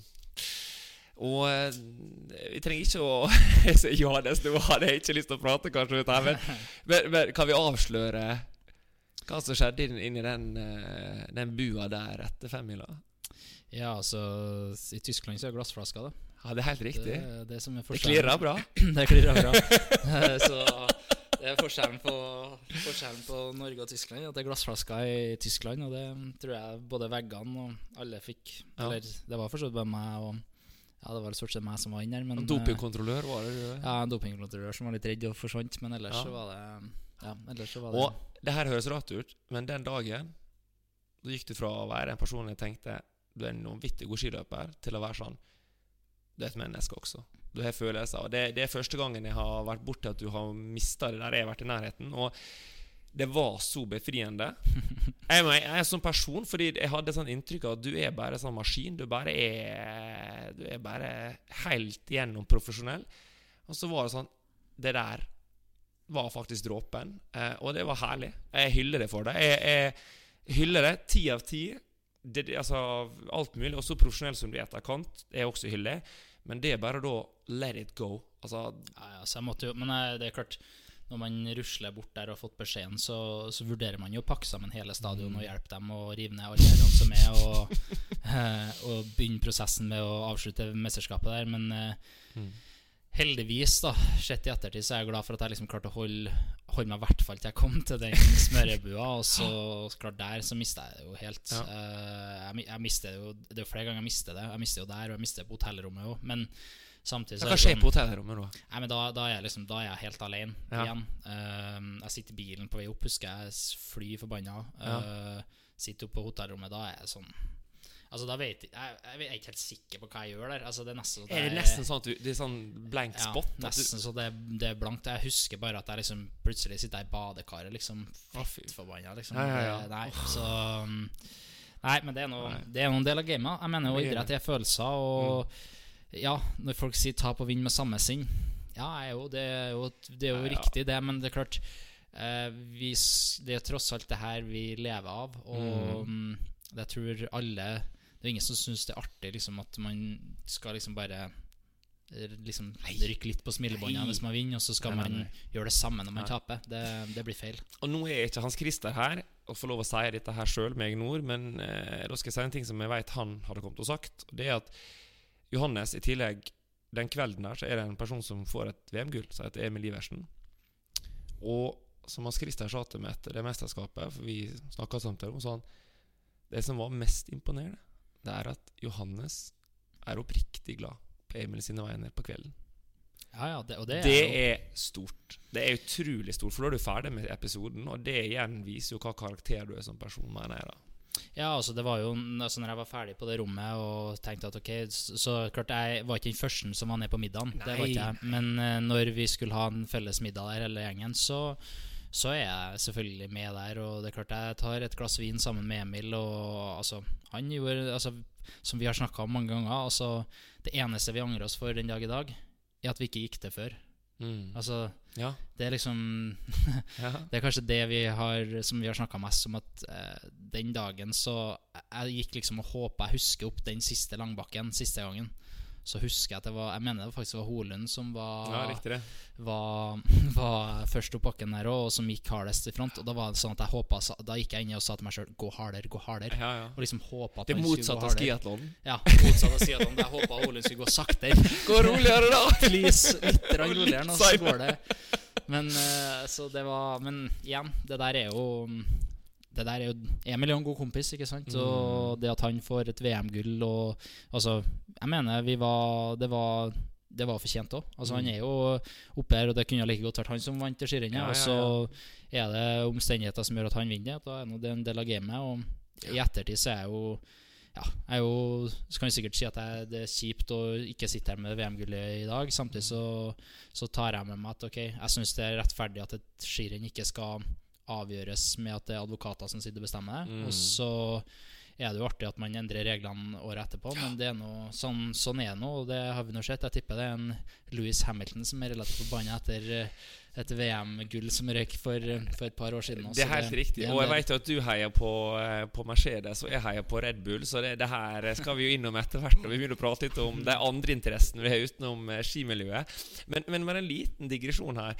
Um, og det her er jo et litt sånn eh, stort spørsmål, men, men du sa du tok et glass med vin med Emil, men du drikker ikke normalt alkohol, stemmer ikke det? Eller, er, eller Nei, altså, når, jeg var, altså, når jeg var junior, så var jeg, da var jeg klink ganske Mm. Da var jeg ganske eh, streng på akkurat det der. Og så har jo det siste Altså Fra jeg var egentlig senior, så har det vært sånn jeg, altså, Du ser ikke meg nå fra fra sommeren eller etter sommeren liksom, og på høsten og gjennom Mm. vinteren. Da har ikke jeg noe, noe behov Nei. for det hele tatt. Så, så klart på, på sommeren eller på, på våren og sommeren å ta seg en fest sammen med gutta. Eller, Det, det syns jeg er hyggelig, og det har jeg på en måte Og det tror jeg kanskje handler om at man blir litt mer voksen òg. Mm. og når jeg var junior, også, var jeg, jeg, var så inn, jeg var så innstilt på at ok, jeg skal komme opp dit. Ja. Uh, så at jeg skal, jeg skal i hvert fall gjøre alt jeg kan som Ja. står i min makt, for at jeg skal komme dit. Um, og det er, jeg jo glad for at jeg, jeg gjorde. Og det handler jo ikke om at man i dag tar noen andre valg. Sånn, Nei, nei, altså, det tror ikke jeg på en måte handler om at jeg føler at det er lettere å bare gjøre det nå, men det Mm. handler mer om at jeg føler at ok, man skal òg ha et sosialt liv som skal fungere. Og, Ikke sant? Så det, er en, det der er en balansegang, men Mm. på det tidspunktet så var det aldri aktuelt. um, men, men sånn som ting har blitt altså, Sånn som Etter jeg ble senior, så har de på en måte klart å kanskje senke skuldrene litt og si at du det, det handler om Det er et litt større bilde på ting da enn hva jeg Mm. kanskje tenkte som junior, når alt liksom dreide seg om ski, ski, Ja. ski og ski. Ikke sant? Men, men eh, en forlengelse av det igjen. eh, Generelt kostholdet ditt og mat og ernæring. Altså, er du veldig opptatt av hva du putter i kroppen din, både på treningsøkter altså Sykling er opptatt av 60 gram og 90 gram karbohydrater og proteiner, eh, x antall kroppsvekt etter økt. Altså, hva er ditt forhold til ernæring i forhold til idrett? Altså i forhold til treninga, og i forhold til når du ikke trener, altså mellom øktene?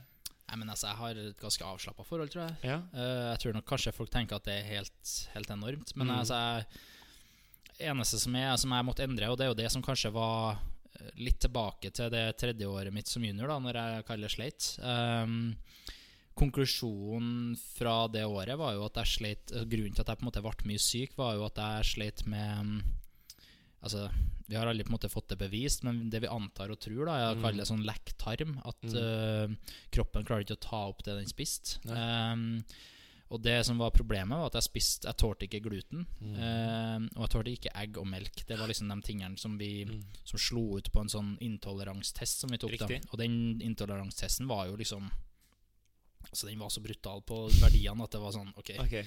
uh, og da husker jeg at ok fra, Og det var, fikk vi beskjed om 22. oktober, husker jeg, den dagen. Eh, Og da Den dagen bestemte jeg meg for at ok, da slutter vi med det. Mm. Så da husker jeg at jeg for ned på um, eh, kalle en sånn helsekost Ikke helsekostbutikk, men, uh, Ja, men du skjønner, sånn Eh, som sånn har sånn spesial eh, sunn kost-lignende. Ja, typ sånn. ja. Og begynte å kjøpe sånne rare melsorter og sånt her. ikke sant? Og ja. å tenke at ok, her må, vi, her må vi endre, da. Mm. Og fra den dagen så endra jeg, og fra den dagen så har ikke jeg Altså da har ikke jeg vært noe mer syk enn vanlig. Altså ja, jeg får forkjølelse jeg, som alle andre. Og, og den biten der, men jeg gikk ikke, jeg gikk fra å ikke være syk, liksom trene 14 dager, syk 10 dager, eller motsatt, Mm. men til å liksom være Ok, jeg kan trene et halvt år nå uten å ha vært syk, Mm. og så Ja, nå fikk jeg en forkjølelse sånn som alle andre, det, Mm.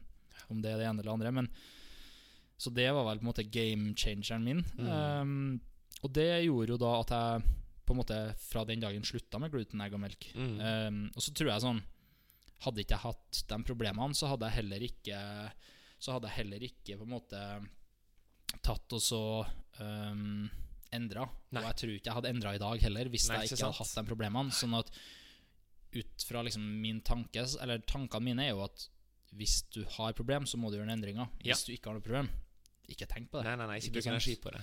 Um, men for meg så var det, var, det, var det viktig med tanke på at jeg skulle klare å ha en kropp som fungerte. Yes.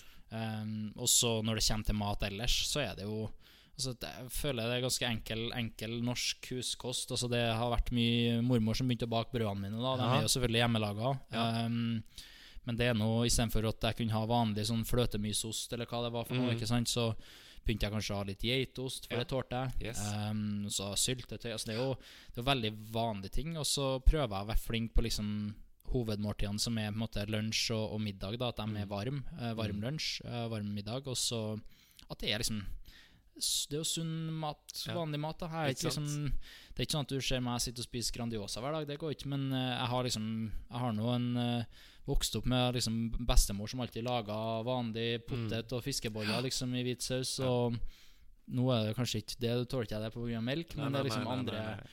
det, det er relativt enkelt. Og så tror jeg um, Så er jeg opptatt av at Sånn som på gjennom på våren og sommeren og sånn, så Altså, jeg er jo utrolig glad i is, eksempel. Ja. Så jeg spiser jo is. Det er jo ikke Ja. sånn at jeg det er, jo, det er jo mer utfordring å få i seg nok, ikke sant? Så Hva da- er favorittisen? Nå må jeg bare vite, for jeg også elsker jo is. Jeg, jo, jeg skal ikke si min først, men hva er hvis du får velge én is? Den må du ta resten av livet ditt. Hva velger du da? Da hadde jeg valgt en boksis som er, mm, heter Idyll, fra Det er vel Henning Olsen, Ja, okay. Eh, nei, kanskje ikke det. Henning Olsen jeg er litt usikker på hvordan merker det. Men den Henning Olsen, nå er det bare å ta kontakt her. Det er til sommeren. I hvert fall eh, den som heter Idyll, med, mm, og den er sånn vegansk, så den er en sånn jeg tåler. Ja. Um, og så er det noe peanøtter og sånn oppi den, eh, og karamell. Oh.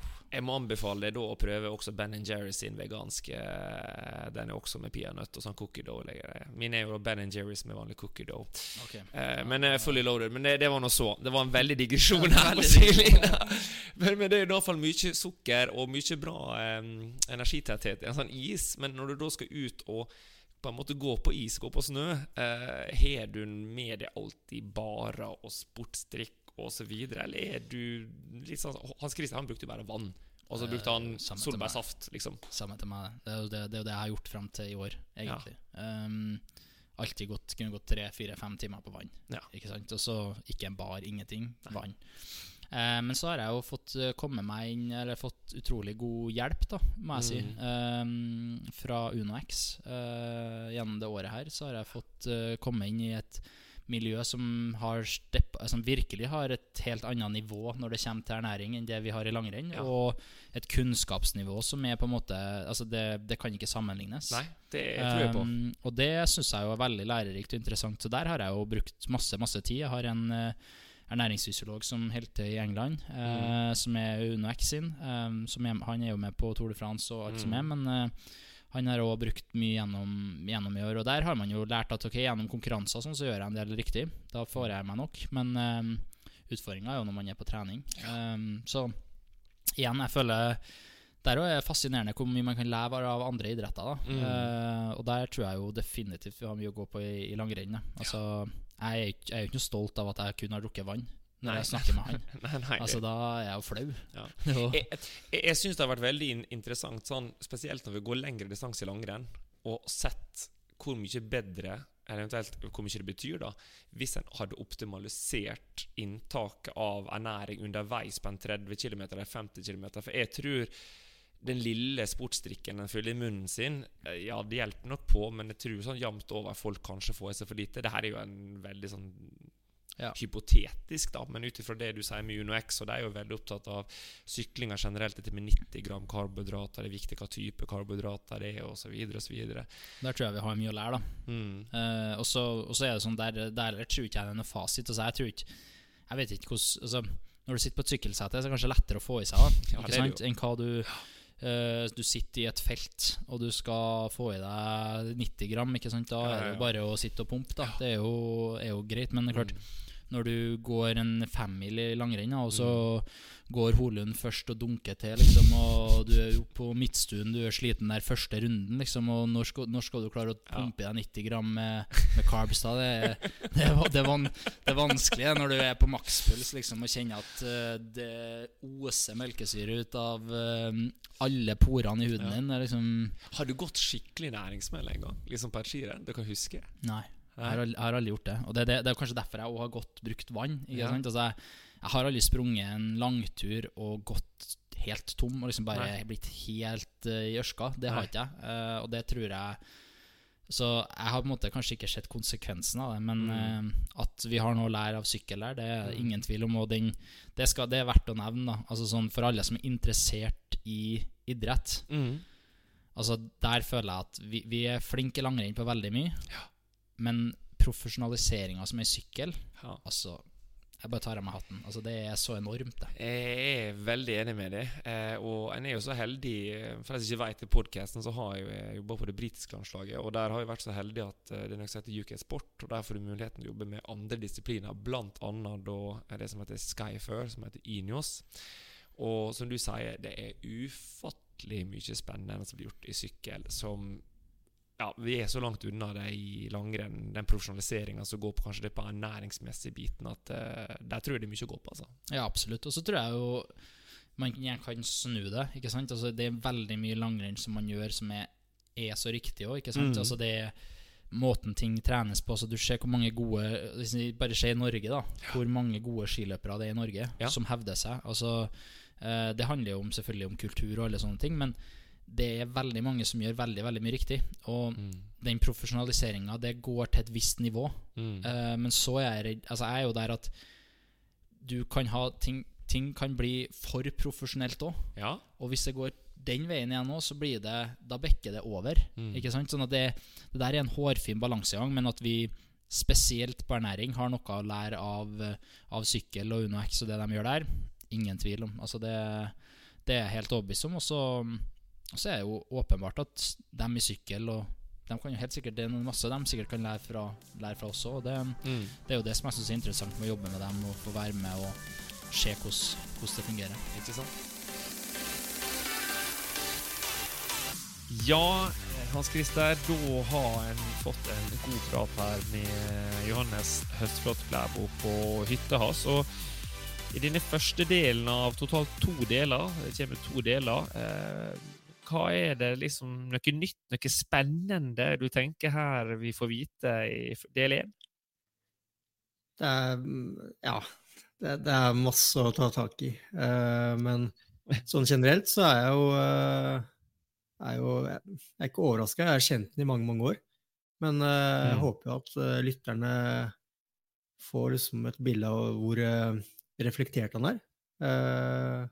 Han har tenkt mye over de valgene han har tatt eh, opp gjennom eh, karrieren. Og det er nok mye av grunnen til at han har blitt så god som han eh, har blitt. Mm. så han er en reflektert type. Han har hatt en langsiktig plan i det han har gjort, helt siden han var yngre junior.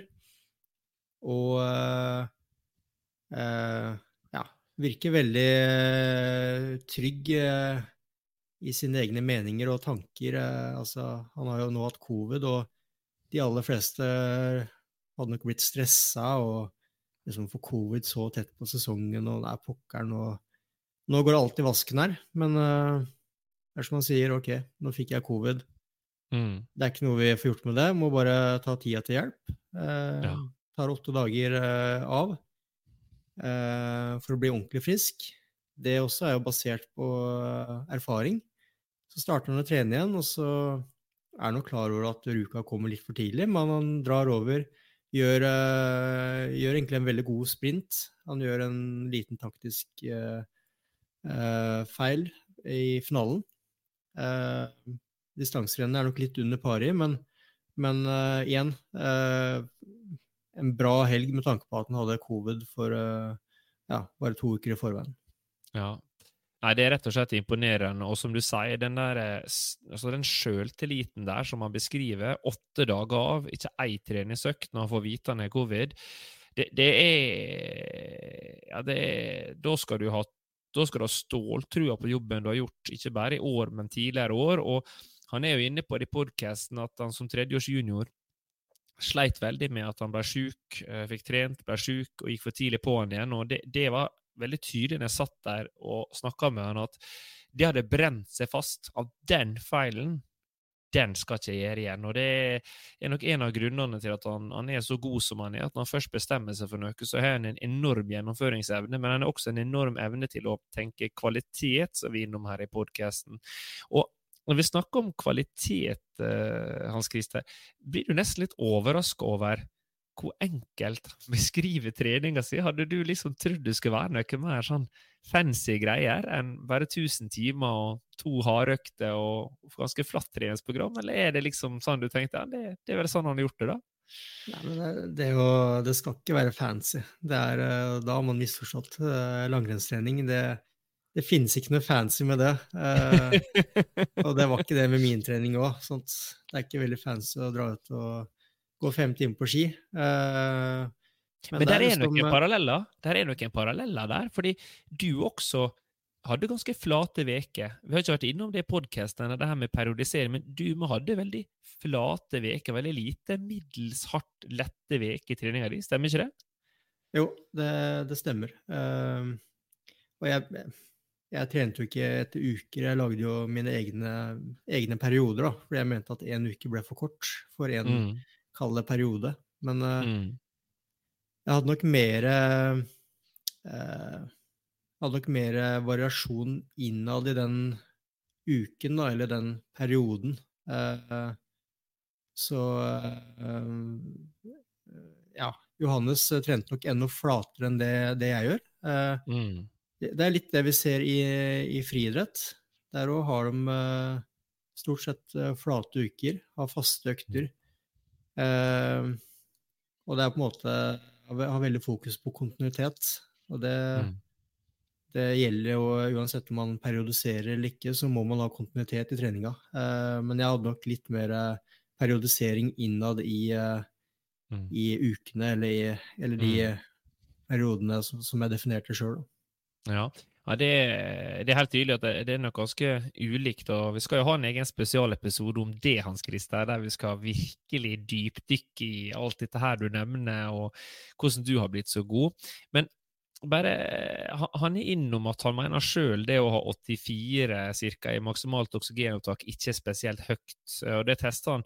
Det overrasker jo meg veldig at han kun har testa det typ én gang, eller liksom til jeg var liksom yngre junior, at jeg ikke har hatt noen VO2 Max-tester som seniorutøver. For det har jo vært veldig spennende å visst om det der oksygenopptak er høyere nå når han er blitt 26-27 år, enn det var når han var 16 år. Det er jo tross alt ti år siden, så det var litt overraskende. Men la oss begynne med det første først. Altså 84 i maksimalt oksygenopptak, det er jo, det er jo høyt, Hans Christer. Selv om han mener Ja, at 90 er høyt. Nei, men altså eh, Det er høyt nok, da. Sant? Og det, sånn er det litt med all trening. At det, Mm. det er liksom eh, Det er ikke alltid man bør ha et mål om å, å liksom uh, bli sterkest mulig, eller, eller få et høyest mulig oksygenopptak, eller Men du må liksom tenke at arbeidskravet for å vinne skirenn er 80 O2. Har man over 80 O2, så er man, er man egentlig god nok til å vinne skirenn. Mm. Uh, så det er bra nok. Og så velger han kanskje heller å bruke energien sin på å forbedre andre egenskaper. Ja, og det er jo Jeg tror ikke det er så mange personer som har den eksplosiviteten. Vi var innom en 60-meter her på sprintlandslaget, og han var han smilte lurt der når jeg satt med han og var ganske klar på at ja, hvis han fikk noen økter, så skulle han nå finne det. Indirekte, han sa ikke det, men eh, det var sånn jeg tolka det i hvert fall. Og, eh, den kombinasjonen av den der tekniske elegansen som han har, med et ganske høyt oksygenopptak og den eksplosiviteten, det er jo en unik fysiologisk komposisjon, Hans Christer, som få andre er unna, da. Ja, og det, det er det som er litt gøy med langrenn, er at det er eh, så mange faktorer som spiller inn på om du blir god eller ikke. Eh, hvis du tar eh, Vi kan ta friidrett igjen, da, så er det liksom det er terskelfarten. Det Mm. er liksom eh, Ja, ta en terskeltekst, så vet du egentlig hvor fort du løper. eh, Mm. Det er jo han- Johannes er også innom det i, i, i podkasten her, at, at hadde det vært løping, så hadde det vært veldig enkelt. For da er det bare terskel som gjelder, men at det er forskjellige komponenter. da. Og hvor bevisst var du på det når du drev på og trente? Disse ulike elementer som du må ha? Eh, vært ganske bevisst på det i så fall de senere åra. Eh, og det har jo litt med at jeg vet jo sånn noenlunde hva terskelfarten til eh, de andre på landslaget har vært, og hva VO2 Maxen har vært, og eh, hvor mye de trener, og hvor raske de er. Og så ser man jo det at det er jo ikke alltid at eh, den som har høyest VO2 Max, er den som vinner skirenn. Eller Nei. den som er raskest på, på 60 meter, er den som er best i sprint. Eh, så det er liksom eh, Du du ser det på Ta Petter Northug, da. Han var ikke raskest, han var ikke mest utholden.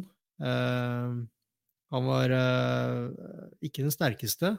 Han var Mm. ikke den som hadde best teknikk, men han var ganske god på alt. Og den kombinasjonen gjorde han til verdens beste skiløper.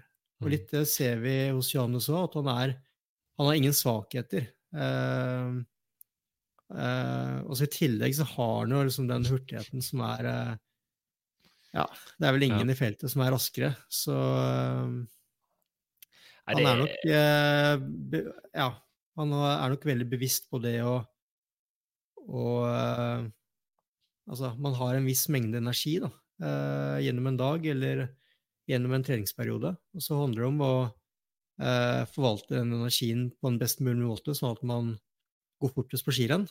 Eh, Mm. Og han kunne helt sikkert ha økt i automaksen ved å bare trent Bjørn Dæhlie-trening. Eh, og løpt eh, seks ganger seks til man eh, lå i grøfta og spydde. Men eh, jeg tror ikke Det hadde gått utover andre egenskaper. Da. Eh, så jeg tror nok at der har han vært eh, veldig god og liksom tenkt at eh, jeg skal bli en best mulig Mm. skiløper. Eh, jeg, skal Mm. ikke, jeg skal ikke putte all energien min inn i å få høyest mulig VO2 Max-opptak. Nei, absolutt. Og eh, du er inne på det her. Det virker veldig gjennomtenkt. Det er, det er ikke noen tilfeldigheter her i hvordan Johannes har trent siden han var yngre junior. Han er alt innom det at han var liten av vekst.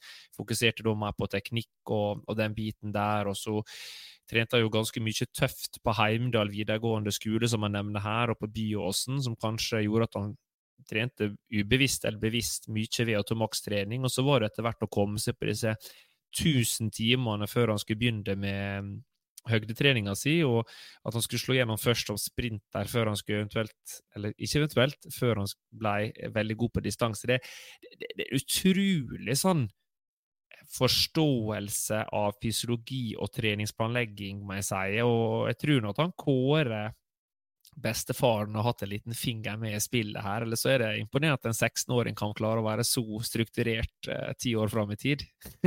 Ja da, han har nok hatt eh, gode hjelpere, og det, det tror jeg alle gode idrettsutøvere har hatt eh, i ung alder. Man er litt Mm. avhengig av at man har, eh, har eh, gode støttespillere. Eh, Mm. Man er eh, Jeg husker jo når han kom inn på lag i Ja, om det var 2016 eller 2017. Jeg tror kanskje det var 20, Mm. ja. Så når jeg ble litt kjent med han, så jeg husker det slo meg at dæven, han er eh, Han er reflektert, han er voksen for alderen. Eh, Mm. Og det, det er liksom Hadde jeg vært blind, så hadde jeg trodd at jeg snakka med en 30-åring og ikke en 20-åring. Så, så eh, det er nok også en god egenskap da, som har gjort at han eh, har, har lykkes. Mm. Nei, det er ingen tvil om det, og um, han um, Jeg kom på faktisk at det var en historie angående Johannes som jeg burde jo sagt til han jeg møtte han, men nå kom jeg på den når du sa det her. Og det at um, når han gikk uh, Det var en, en skibytte på Lillehammer når Johannes vant, uh, og det her var vel i 2016-17-sesongen, tror jeg, Hans Christer. Du ble tre, hvis jeg ikke husker helt feil. Uh, og da var det en som vi kjenner begge to, som heter Jo Alexander Lenn. Han var på den tida smøresjef på Storbritannia, og vi sto i lag med rekruttlandslaget. Og da hadde Johannes sagt til smøreren sin i rekruttraileren dagen før skiatlon I morgen så skal jeg vinne den skiatlonen. For da hadde han jo dagen før knekt staven, eh, eller Kalle Halvfarsson, eller han sjøl knakk staven på den sprinten der og tryna. Og eh, ja, han eh, Jeg vet ikke om du kan si at han overpresterte, men han var nå med opp den jækla lange bakken på Lillehammer alle rundene, og svopp, sa det i siste bakken, så var han plutselig kommet opp igjen til Martin og vant den skiatlon, Og det er jo eh, Ja, det er jo en vanvittig prestasjon for han på det tidspunktet der, da. Så han er, han er en unik type, vil jeg påstå. Det er han. Men en ting eh, jeg tenkte på når, vi, når jeg snakka med han, og det er Vi snakka en del om Oberstdorf eh, og det som skjedde der, eh, diskinga. Hadde du hørt den historien om glassflasken og konteineren og at flauk Ja, ja, ja. glassbrudd? og det, det, vi var innom det med Ivo Niskan, men altså Jeg sa jo det til han pod, når jeg snakka med han her nå, og litt etter vi hadde ferdig, at du må jo vise meg den sida der. Altså, jeg, jeg syns det var rått hvis han også, når jeg gikk skirenn nå, hvis han ble forbanna bare viste det, da. For han er jo så kontro... Altså, han har liksom så bra sjølkontroll, virker det som, eh, i skirenn, da. Hva tenker du, som nå Ja, ja, ja. Viaplay? Nei, altså det er jo litt sånn vi er eh, Vi skiløpere er trent opp til da, å liksom ja, være en god, god taper og liksom eh, ikke ikke være for eh, verbal i intervjusona etter skirenn. Ja, hvorfor? Ja, hvorfor det? Altså, hvorfor, hvorfor skal ikke vi få lov å få litt action, litt eh, passion? Nei. Hvorfor tror du det er sånn? Nei, det, det er vel uh... Jeg veit ikke. Det, det, har kanskje med at langrenn er litt sånn uh, idretten den er, da.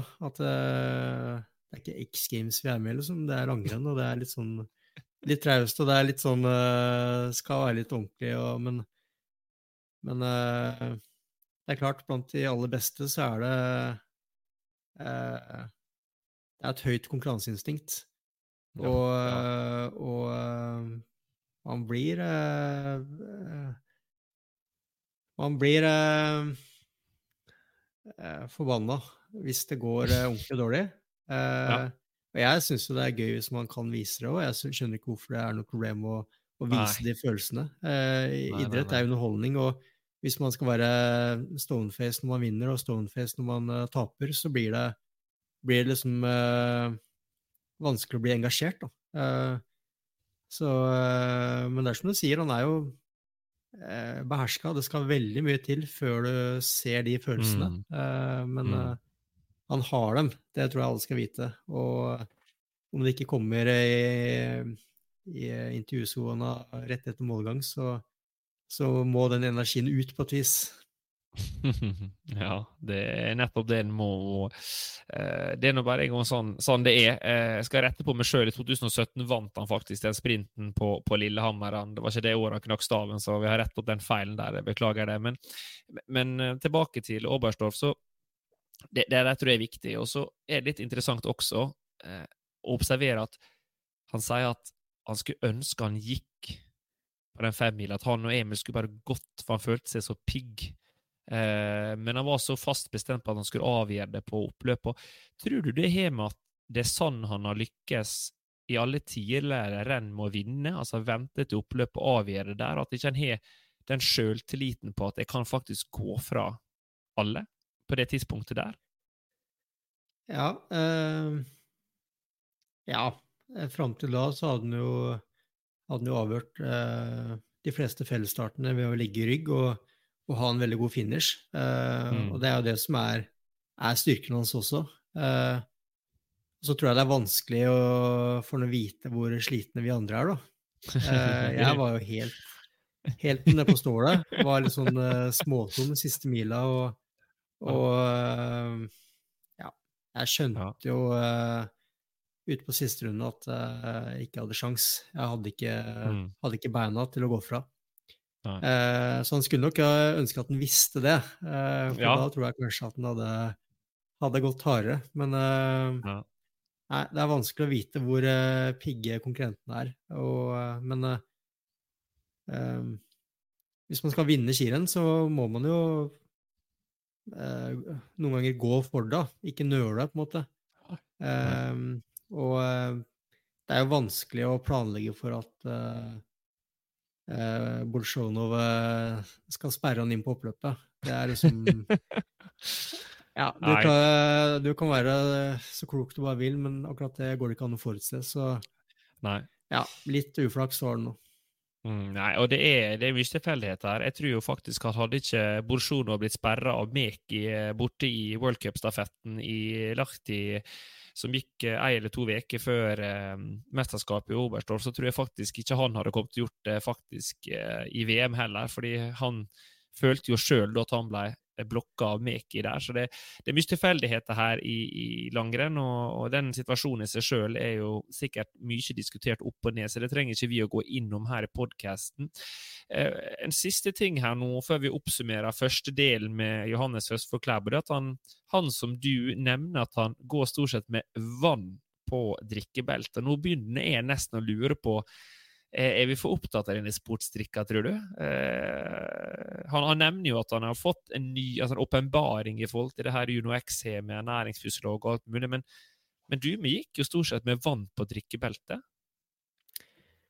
Ja, altså um, Jeg har drukket mye sportsdrikk jeg har så opp igjennom, så det, det, har ikke kun vært vann. Men, uh, men jeg har egentlig aldri vært sånn eh, vært så opptatt av det. Eh, jeg har jo hatt perioder hvor jeg kun har eh, drukket sportsdrikk på trening og vært veldig nøye med å spise 30 minutter etter at jeg kom inn fra økta.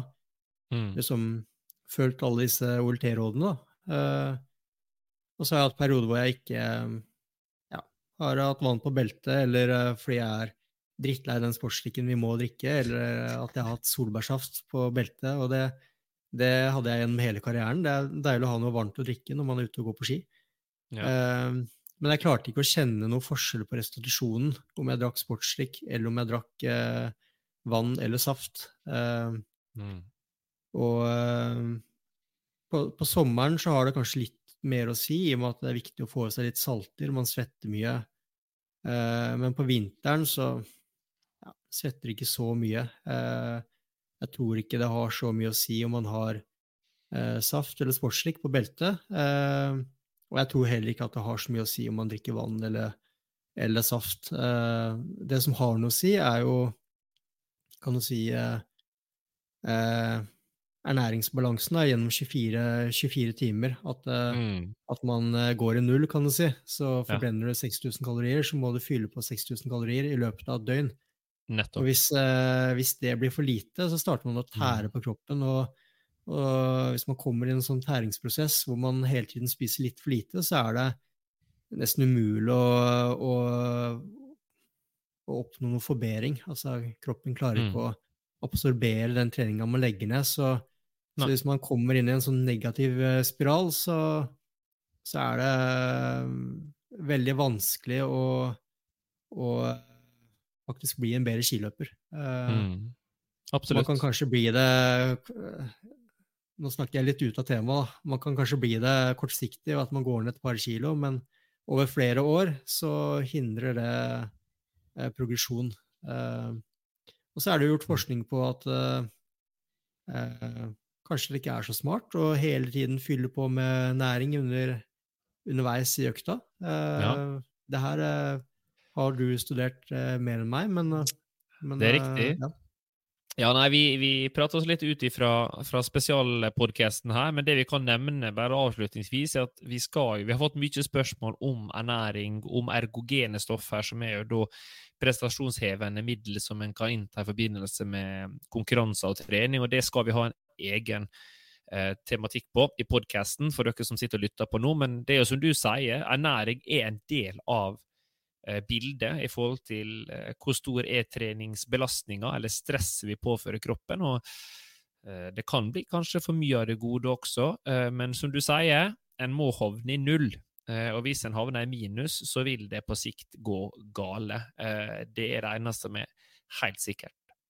Men eh, jeg tror vi avslutter eh, den spesialepisoden her. Eh, Det kommer som sagt en del to, der vi får høre mye mer spennende om eh, Johannes. Jeg kan love at der er det noen snacks eh, som dere får høre om. Eh, og eh, da tror jeg bare vi takker Johannes, eh, når du hører på dette her, for at du har stilt opp og vært med på den spesialepisoden som omhandler deg sjøl.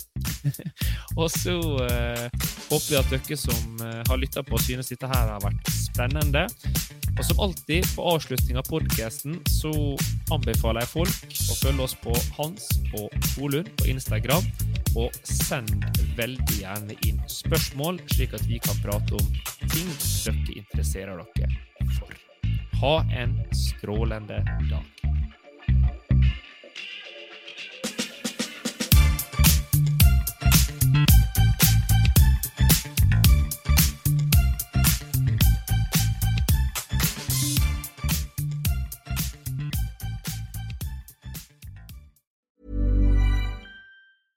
Ever catch yourself eating the same flavorless dinner three days in a row? Dreaming of something better? Well, HelloFresh is your guilt free dream come true, baby. It's me, Kiki Palmer. Let's wake up those taste buds with hot, juicy pecan crusted chicken or garlic butter shrimp scampi. Mm. Hello Fresh. Stop dreaming of all the delicious possibilities and dig in at HelloFresh.com.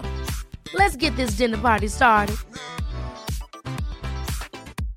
Hello, this is Danny Pellegrino, host of the Everything Iconic podcast, and I'm here to tell you all about Splash Refresher because hydration is mandatory, but boring is not.